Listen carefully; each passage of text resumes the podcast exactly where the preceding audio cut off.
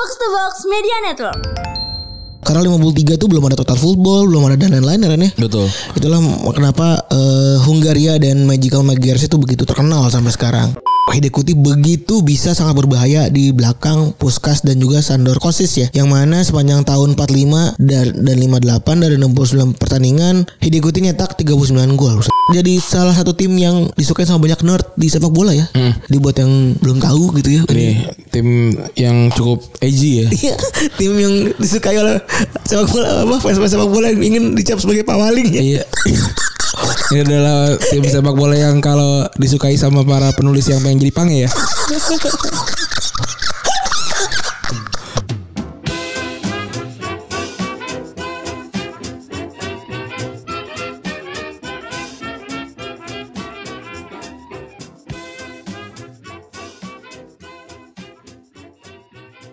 Podcast Retropus episode ke-300 sem- berapa? 81. 81. Episode ke-381 ada di hari nyepi ya, hari Jumat. Sebenarnya kami sebenarnya.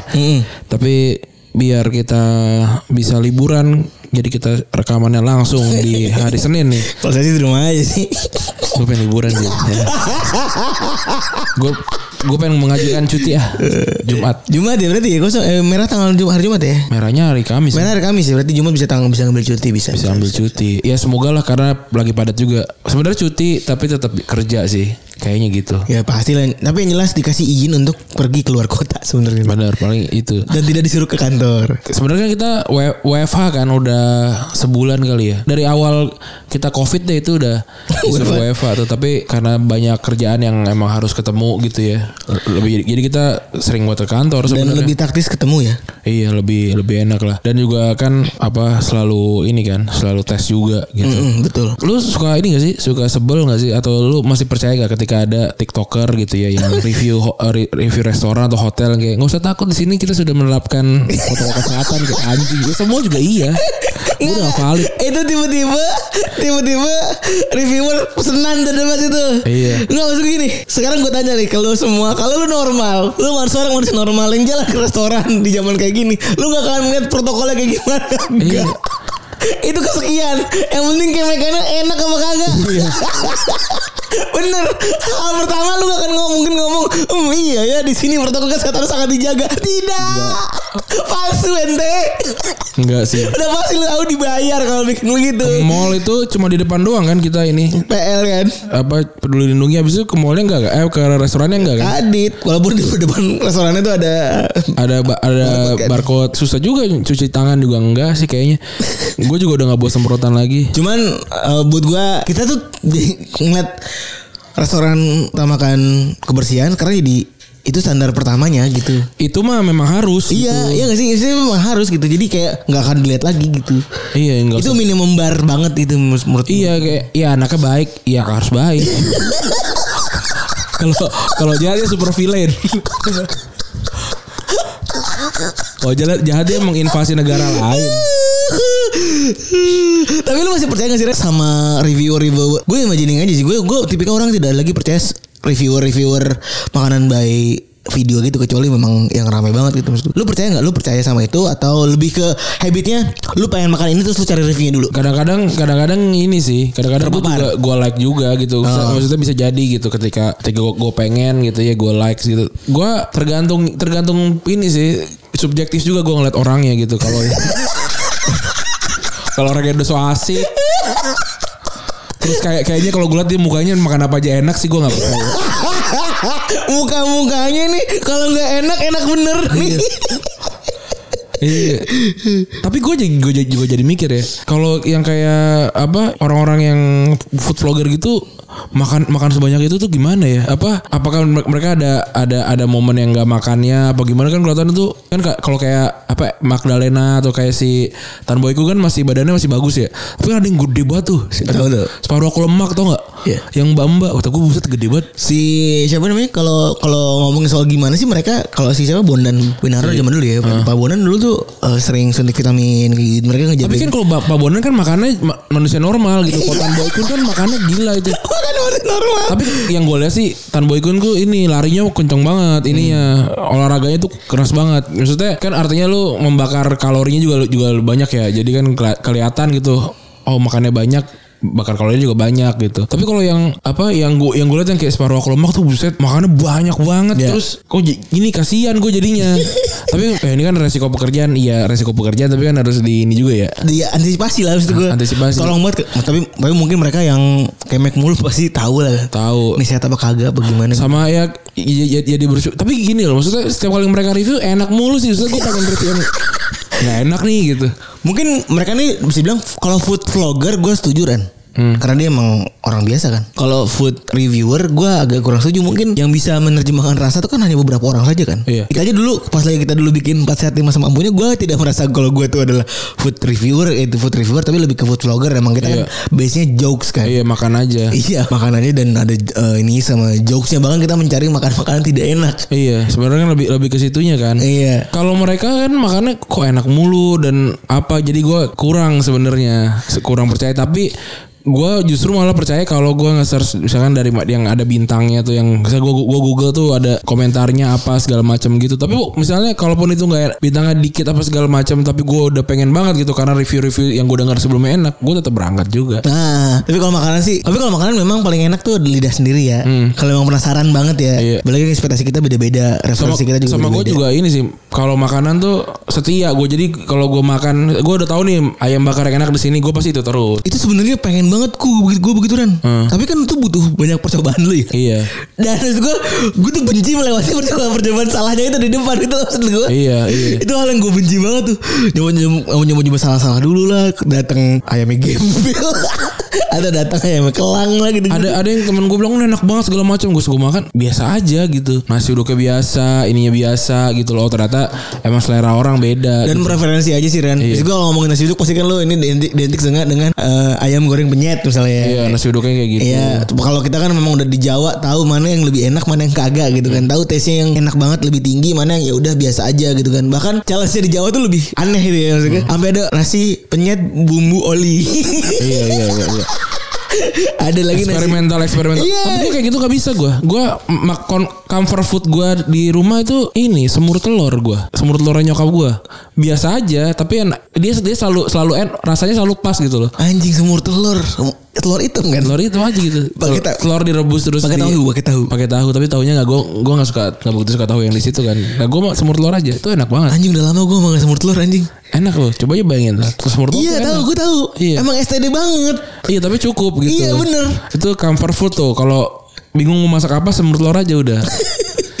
Kayak gitu. Tapi kayak kayak di kosan gitu. Gue bingung mau makan apa ya? Bingung gue karena terlalu banyak pilihan. Ini kan ada ada ini ya kan ada ada penelitiannya gitu kan. Makin banyak pilihan makin susah sebenarnya untuk memilih gitu. Betul. jadinya gue ujung-ujungnya makannya itu tuh lagi. Itu tuh lagi ketoprak atau apa gado-gado atau kalau soto sotonya itu itu lagi gitu aja terus. Itu menyedihkan sebenarnya. iya. Di balik harusnya kita mencoba-coba dan cip-cip orang lebih milih yang Tapi ya gimana anjing? Gue juga ogah gitu mengeluarkan satu waktu untuk bete gitu.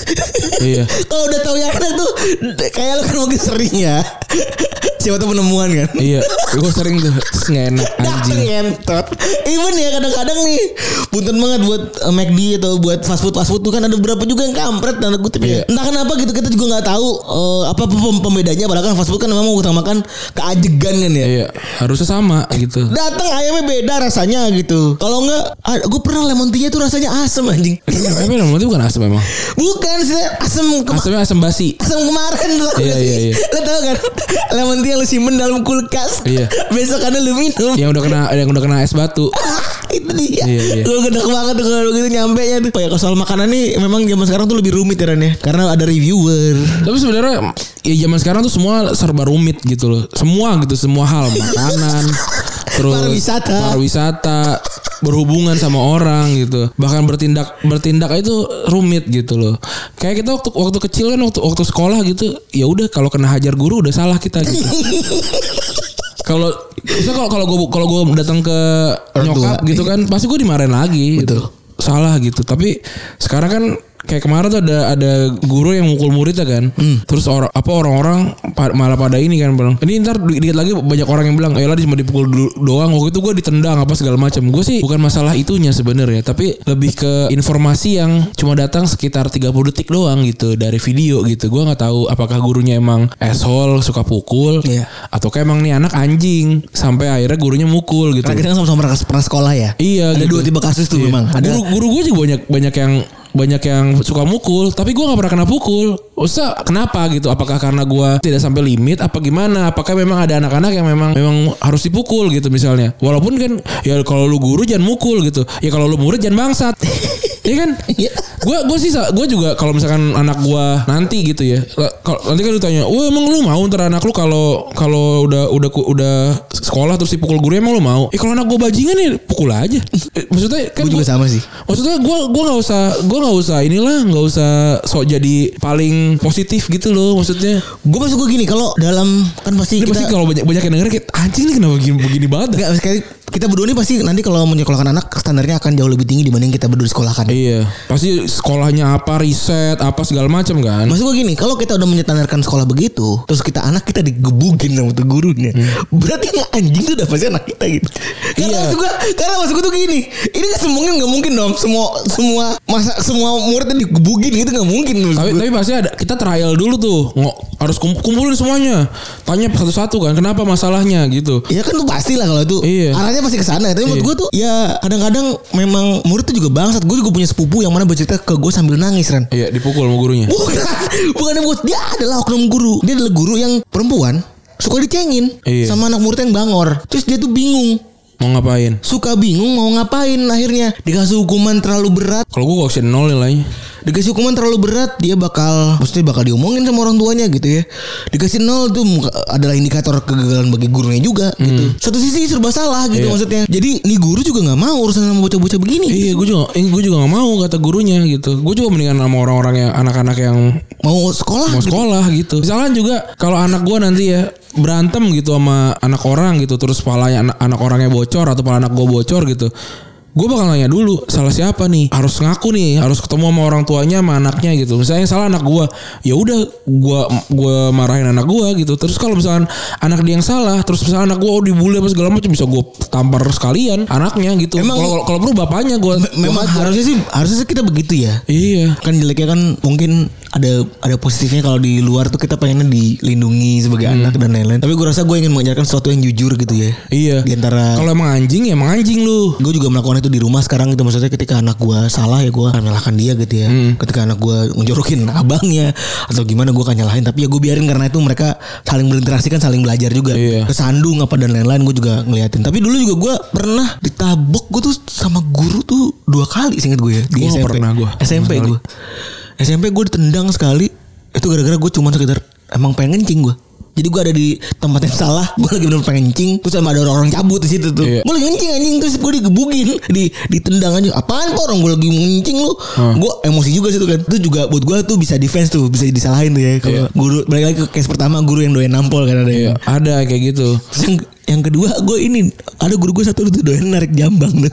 Ada juga. Nah, kalau itu gue beberapa beberapa kali sih kena. itu respect sih kalau gue itu. Tapi gini, tapi ya itu kan apa ada guru ada guru yang kayak gitu, tapi kita juga penting harus ngajarin juga ke anak kalau lu harus stand up juga kalau lu memang nggak salah gitu. Har- Harus berani ngomong. Gua kalau kalau misalkan didebatin sama orang yang di bawah gua gitu ya, terus gua emang ngerasa salah, gua malah ma- malah bingung tuh, malu sendiri tuh. Iya bener. Gitu tapi itu kan susah ya Hmm. skill skill itu susah gitu maka makanya kita kan nyekolahin anak di tempat di tempat Yang bagus. yang bagus gitu gua gua bener beneran gak masalah gitu karena gue di di didiknya gitu sama bokap nyokap gua ya terserah salah atau benar ya mereka tapi ya gua rasa itu itu bikin gua kayak sekarang gitu loh berani gitu bertanggung jawab kalau salah ya kena sikat kalau benar ya kena dapat apresiasi sebenarnya gitu Ada case juga membingungkan selain selain apa namanya? Selain guru itu adalah ketika anak ngerasa kalau cerita ke bapaknya itu dianggap diremehin gitu ya kayak. Hmm.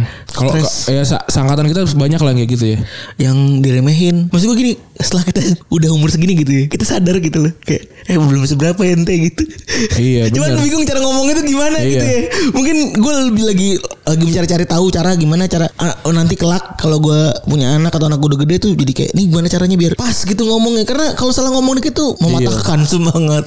Iya benar. Iya gue pengen gue pengennya sih anak gue kelak gitu ya. Ketika misalkan dia di saat kata-kata itu mematahkan semangat dia, dia justru nggak ngerasa oh yaudah emang gue gue harus lanjut gitu loh. Kan sekarang kan emang agak cukup fragile gitu ya. Iya, punten banget ya. Maksud- Bah- bahkan- mungkin beda ya, mungkin beda, ya. Beda. Tapi gue pengennya kayak gitu. Walaupun bisa pun nggak bisa, gue ya akan menyiapkan dunia yang yang lebih baik lah untuk anak-anak gue. Walaupun tidak ada penyu, walaupun tidak ada apa-apa gitu. Tapi dia akan jadi dunia yang baik lah untuk Oh, anak-anak. apalagi gue. bapaknya mulutnya pahit banget. Iya. Tapi ah, berarti kan dari kecil dia bakalan bakalan kayak gua gitu sih. Har- harus dikasih tahu dari kecil. Tapi ya bener sih. Ya semoga gue ti- bisa menerima ketika nanti udah gedenya tidak bisa melihat penyu juga. Kayak mana kok bisa aja. Iya dia dia tidak bisa penyu dan dia dipukul gurunya sih. Ya emang harus kuat sih. dunia lebih dunia ini keras ya. Iya. Tapi kan nggak tahu ya kalau eh, teman-teman di sini yang dengerin kita ada nggak setuju ya boleh aja gitu ya. Boleh aja dan kita tidak bertanya juga informa informasi ketidaksetujuannya. Makanya bikin podcast.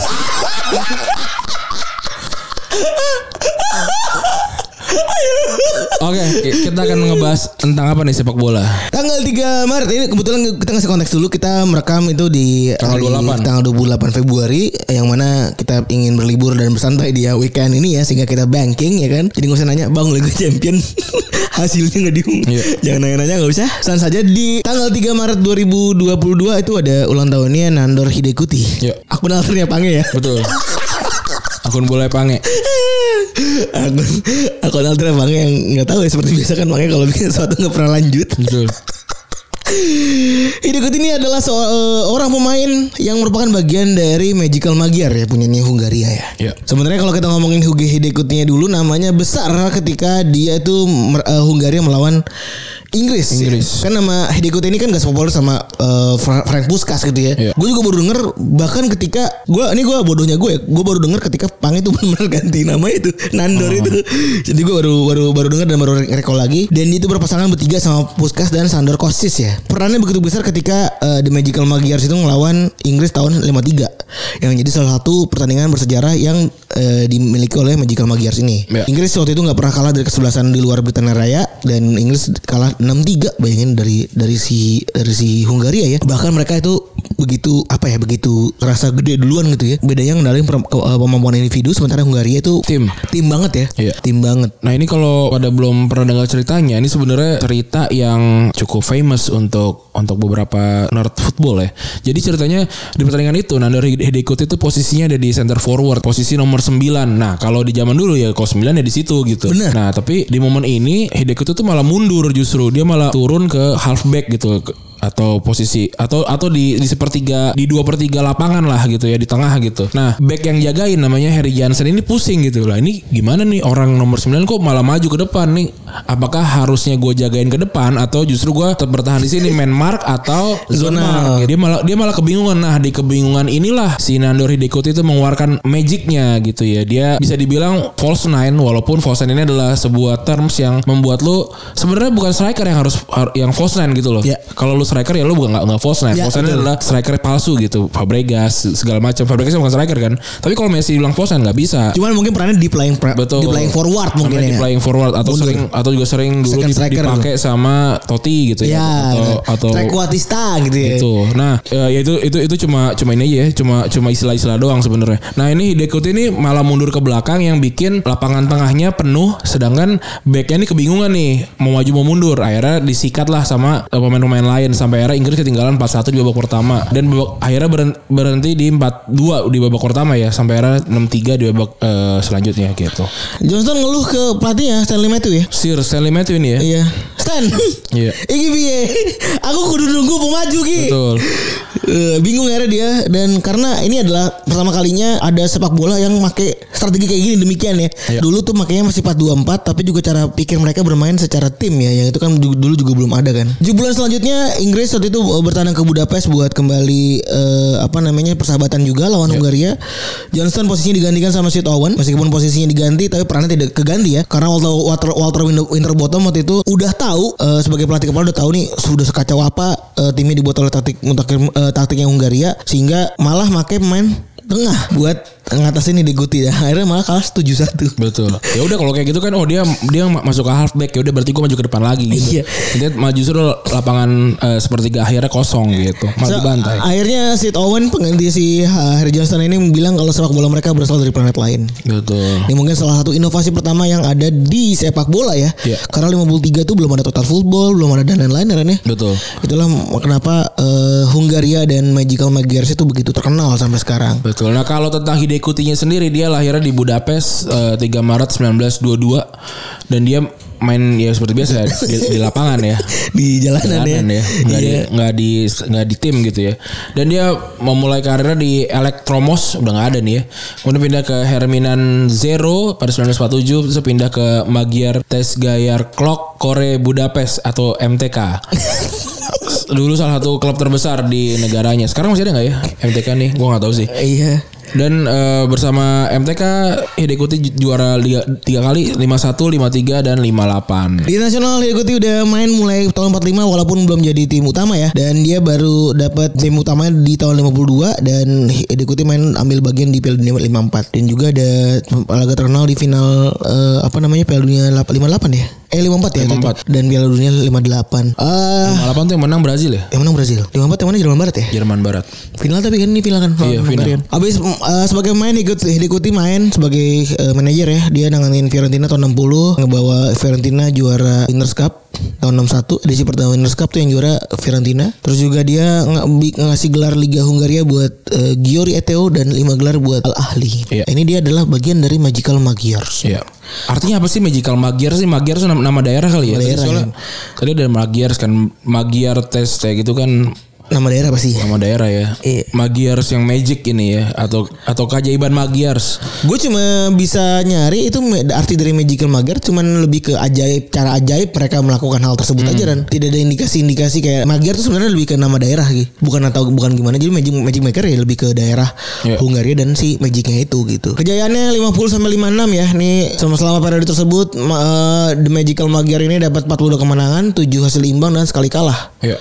42 kurangi berapa tuh? Kurangi 9 eh kurangi 8 ya berarti cuma menang 32 kali ya Iya. Eh enggak ding Enggak benar Menang 42 7 kali imbang berarti 5, 50 eh 4 35 sekali kalah berarti 34 menang. Berarti 50 kali main ya berarti ya hitungan Iya. totalnya ya. Terus ini kesebelasan Hungaria ini dapat dapat peringkat kedua all time highest ranking internasional berdasarkan Elo rating system dengan 200 2096 poin pada tahun 54. Hanya di bawah ke eh, Jerman tahun 2020 ya. 2200 poin di tahun 2014 ini juara Jerman tuh tuh Iya. ya. Dan waktu itu disebutnya sebagai the golden team juga atau bahasanya Arins Arins kalau ba- Kapat.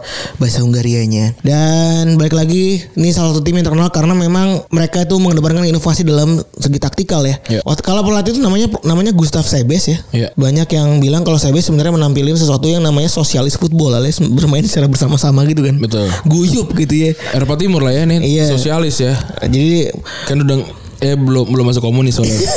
Ini. iya jadi Eh udah lewat kok. kalau ada yang bilang kalau ini adalah ada juga yang bilang kalau ini adalah versi awal dari total football gitu di mana para pemain tuh punya bobot dan cara main yang sama gitu di semua posisi. Eh Sebes mendorong para pemainnya buat main secara versatile ya dan fleksibel main di posisi mana pun. Kalau kata Puskas, ketika kita menyerang semua menyerang sama halnya ketika kita bertahan. Waktu itu ketika Martes kesebelasan pakai format WM atau 3-2-3-2 di mana ada lima pemain yang isi lini belakang dan lima lain di depan. Di belakang ada tiga fullback eh, dan dua halfback berdiri di depannya. Di depan dua winger dipasang sejajar dengan center forward bener ya. Dua inside forward menusuk ke dalam. Nah sementara kalau di Sabes tuh pakai formasi yang berbeda. Dia nganggap kalau formasi tersebut lebih fleksibel baik dalam menyerang maupun bertahan. Jadi di- diganti sama dia. Hal yang paling penting dalam formasi ini adalah transisi dari menyerang ke bertahan dan sebaliknya menjadi lebih cepat. Paling menonjol dari formasi yang dia punya adalah ditariknya dua winger ke lini tengah. Ya, Berarti ini pakai 352 dia berarti hitungannya betul. atau 343 yang paling menonjol eh, sehingga mereka bisa fleksibel ke depan atau ke belakang. Wah, ini dimulai dari sini berarti ini bener ini. Wingback wingback modern ya. Betul. Ini Brazil kan juga pakai ini kan WM. Iya. Di lini serang formasi ini pun membuat posisi center forward lebih dalam. Itulah kenapa po- Hidekuti begitu bisa sangat berbahaya di belakang Puskas dan juga Sandor Kosis ya. Yang mana sepanjang tahun 45 dan, dan 58 dari 69 pertandingan Hidekuti nyetak 39 gol maksudnya. Betul. Dan sedangkan eh, peran an- si Puskas sama Kosisa ini adalah eh, juga eh, kontribusi golnya ya karena keduanya cetak 15 dari 27 gol pada Piala Dunia 1554. 1954 gila banyak banget golnya. Dan juga Puskas ini eh, namanya aja sampai jadi penghargaan gol terbaik kan dan dia juga legendanya Real Madrid. Di Piala, Piala Dunia 1954 Puskas eh, jadi pemain terbaik dan cetak 4 gol di sana. Jadi total 85 pertandingan, Puskas cetak 84 gol, gila. Dan juga eh, rekor tersebut bikin Puskas jadi top international goal scorer of eh, 20th century ya menurut IFFHS dan dia ngalahin Pele, Gerd Muller atau rekannya sendiri San- Sandro Kostic dan juga sedangkan di timnas eh, Puskas juga berjaya di, di level klub. Kayak tadi gue bilang Madrid dapat tiga trofi Eropa, lima trofi Liga Spanyol, empat kali juga jadi top skor Liga Spanyol. Dan kalau Kosisnya di Hungaria sama di peringatan Piala Dunia 1954 dia jadi cetak gol terbanyak 11 gol gila. Masih cuma kalah sama Jus Fontaine ya 13 gol dalam satu pertanding satu turnamen. Rekornya di Hungaria juga gila banget 68 pertandingan 75 gol gila banget ya.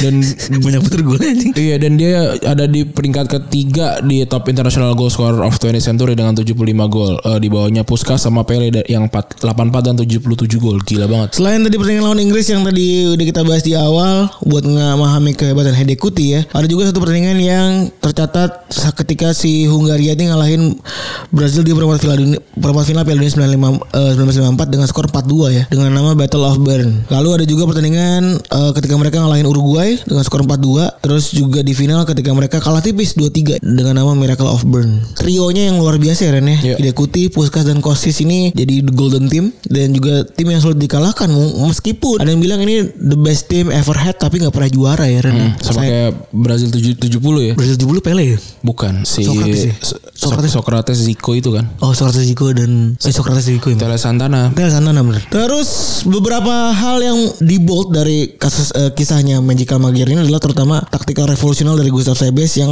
ada paling kerjasama dan kekompak, kekompakan tim ya. Yang mana seluruh pemain itu begitu versatile dan jadi salah satu tim terbaik Eropa bahkan dunia pada era 50-an sebelum ia dipecat tahun 56. Sedih banget. Katanya taktik Sebes ini diadaptasi sama Total Football yang dipakai sama Renus Mitchell ya. Iya, Michels. Michels Eh, dan juga katanya mirip-mirip sama Tiki Taka zaman sekarang. Dan balik lagi karena kita tidak menonton ya Ren ya. Betul. Dan juga gue ngerasa gitu ya kayaknya kalau sepak bola tahun 50-an tuh kayaknya begitu apa sih? Mungkin saking tidak tercatatnya juga ya. Jadi dari mulut ke mulut gitu ya. Saya kita nggak pernah tahu sebenarnya. Tapi kalau gue gua rasa kalau mereka lawan tim sekarang kalah mereka. Gue rasa kan kalah besar sih karena Iya. sangat-sangat lawas aja gitu. Kayak fosil aja gitu fosil main bola kan. Iya, apalagi kalau lawan-lawan tim-tim defensif gitu ya. Dan menurut gue ini kan salah satu revolusi dalam sepak bola dan mungkin tidak relate buat kita di zaman sekarang gitu ya. Tapi jadi salah satu fondasi gimana sepak bola kita tuh eh, di dunia tuh bisa jadi kayak sekarang gitu Iya. ya kan. Bisa muncul false nine, sebutan-sebutan false nine, terus juga ada wingback yang mana dipakai sama banyak tim di zaman sekarang dan buat gue hal penting yang ditelurkan idenya oleh Magical Magyars ini gitu kan. Betul. Meskipun ya nggak nggak resmi nggak resmi ya dibilang tiru meniru kan namanya juga sama-sama main kan ya. Iya. Ya agak susah juga dibilang niru apa gimana tapi yang jelas dia jadi salah satu yang pertama dan kalau dia yang pertama ya udah namanya tercatat dalam sejarah gitu kan. Iya. Dan jadi salah satu tim yang disukai sama banyak nerd di sepak bola ya. Dibuat yang belum tahu gitu ya. Ini tim yang cukup edgy ya. Iya, tim yang disukai oleh sepak bola apa fans-fans sepak bola yang ingin dicap sebagai pawaling ya. Iya. Ini adalah tim sepak bola yang kalau disukai sama para penulis yang pengen jadi pange ya. Tapi lu pernah inget gak sih Ren ada masa di mana tulisan-tulisan sepak bola tuh muka tulisannya mirip pange semua. Iya, dan gue juga nggak nggak nggak bisa bilang itu tulisannya original pange karena banyak banget tulisan-tulisan yang kayak gitu juga gitu tersebar di Guardian di Emang kalau Pange kan bilang, iya. Pange kan bilang kalau itu emang dia niru dari Guardian dia banyak baca lain-lain. kan, dia Iya dia baca. dia memang lebih banyak baca sehingga dia naruhnya tuh sama kayak lu cara nulisnya. iya Naruh naruh kesimpulan di ujung tapi udah nyiapin bumbunya tuh di depan di depan gitu-gitu. Sampai akhirnya itu banyak banget yang akan ada dua mazhab kan. Hah. Mazhab Zen sama mazhab Pange. iya yang yang sekarang kalau gue disuruh nulis kayak gitu lagi gue nggak mau sih Ya, tapi ada juga sekarang kan yang menganggap kalau kita tuh snob. siapa kita Iya. lah emang Enggak nih kita kita yang bahas bola benar-benar runut gitu. Hmm. Jadi mereka mereka ini ini gue udah ngeliat emang nih. ada bahas bola nggak runut terus Lah. jadi paling gitu ada bro. Siapa? Jadi mereka mereka ini orang-orang yang biasa-biasa aja dalam mengerti bolanya ini nggak terima dikatain biasa-biasa aja. Hmm. Dia emang kenapa sih gue dia nggak biasa aja gitu loh. ya emang Iya kan. Maksudnya gue juga, maksudnya gue juga biasa. Jadi gue mulai fenomena ini Ran ya Sebelum ini meledak ke mana-mana gitu Gue udah melihat nih ada indikasi-indikasi kalau eh jamaah-jamaah flashball ini bisa comeback gitu, bisa menghubung, bisa bisa sadar kalau mereka tuh bisa bersatu gitu dan dan mungkin membuat sebuah propaganda gitu. Tapi kan mereka ada duitnya. Enggak maksudnya kenapa kenapa bisa dibilang kita tidak biasa karena kita melihatnya bukan dari sisi sepak bola kalau kalau gue kalau gue sih nggak suka nggak suka nonton bola-bola banget gue Gue sekarang makin gak tertarik sama sepak bola sebenarnya. Iya, walaupun Makin, makin, maksudnya makin seru gitu walaupun setelah, setelah pertandingan apa yang kejadian dibedah gitu ya. Iya.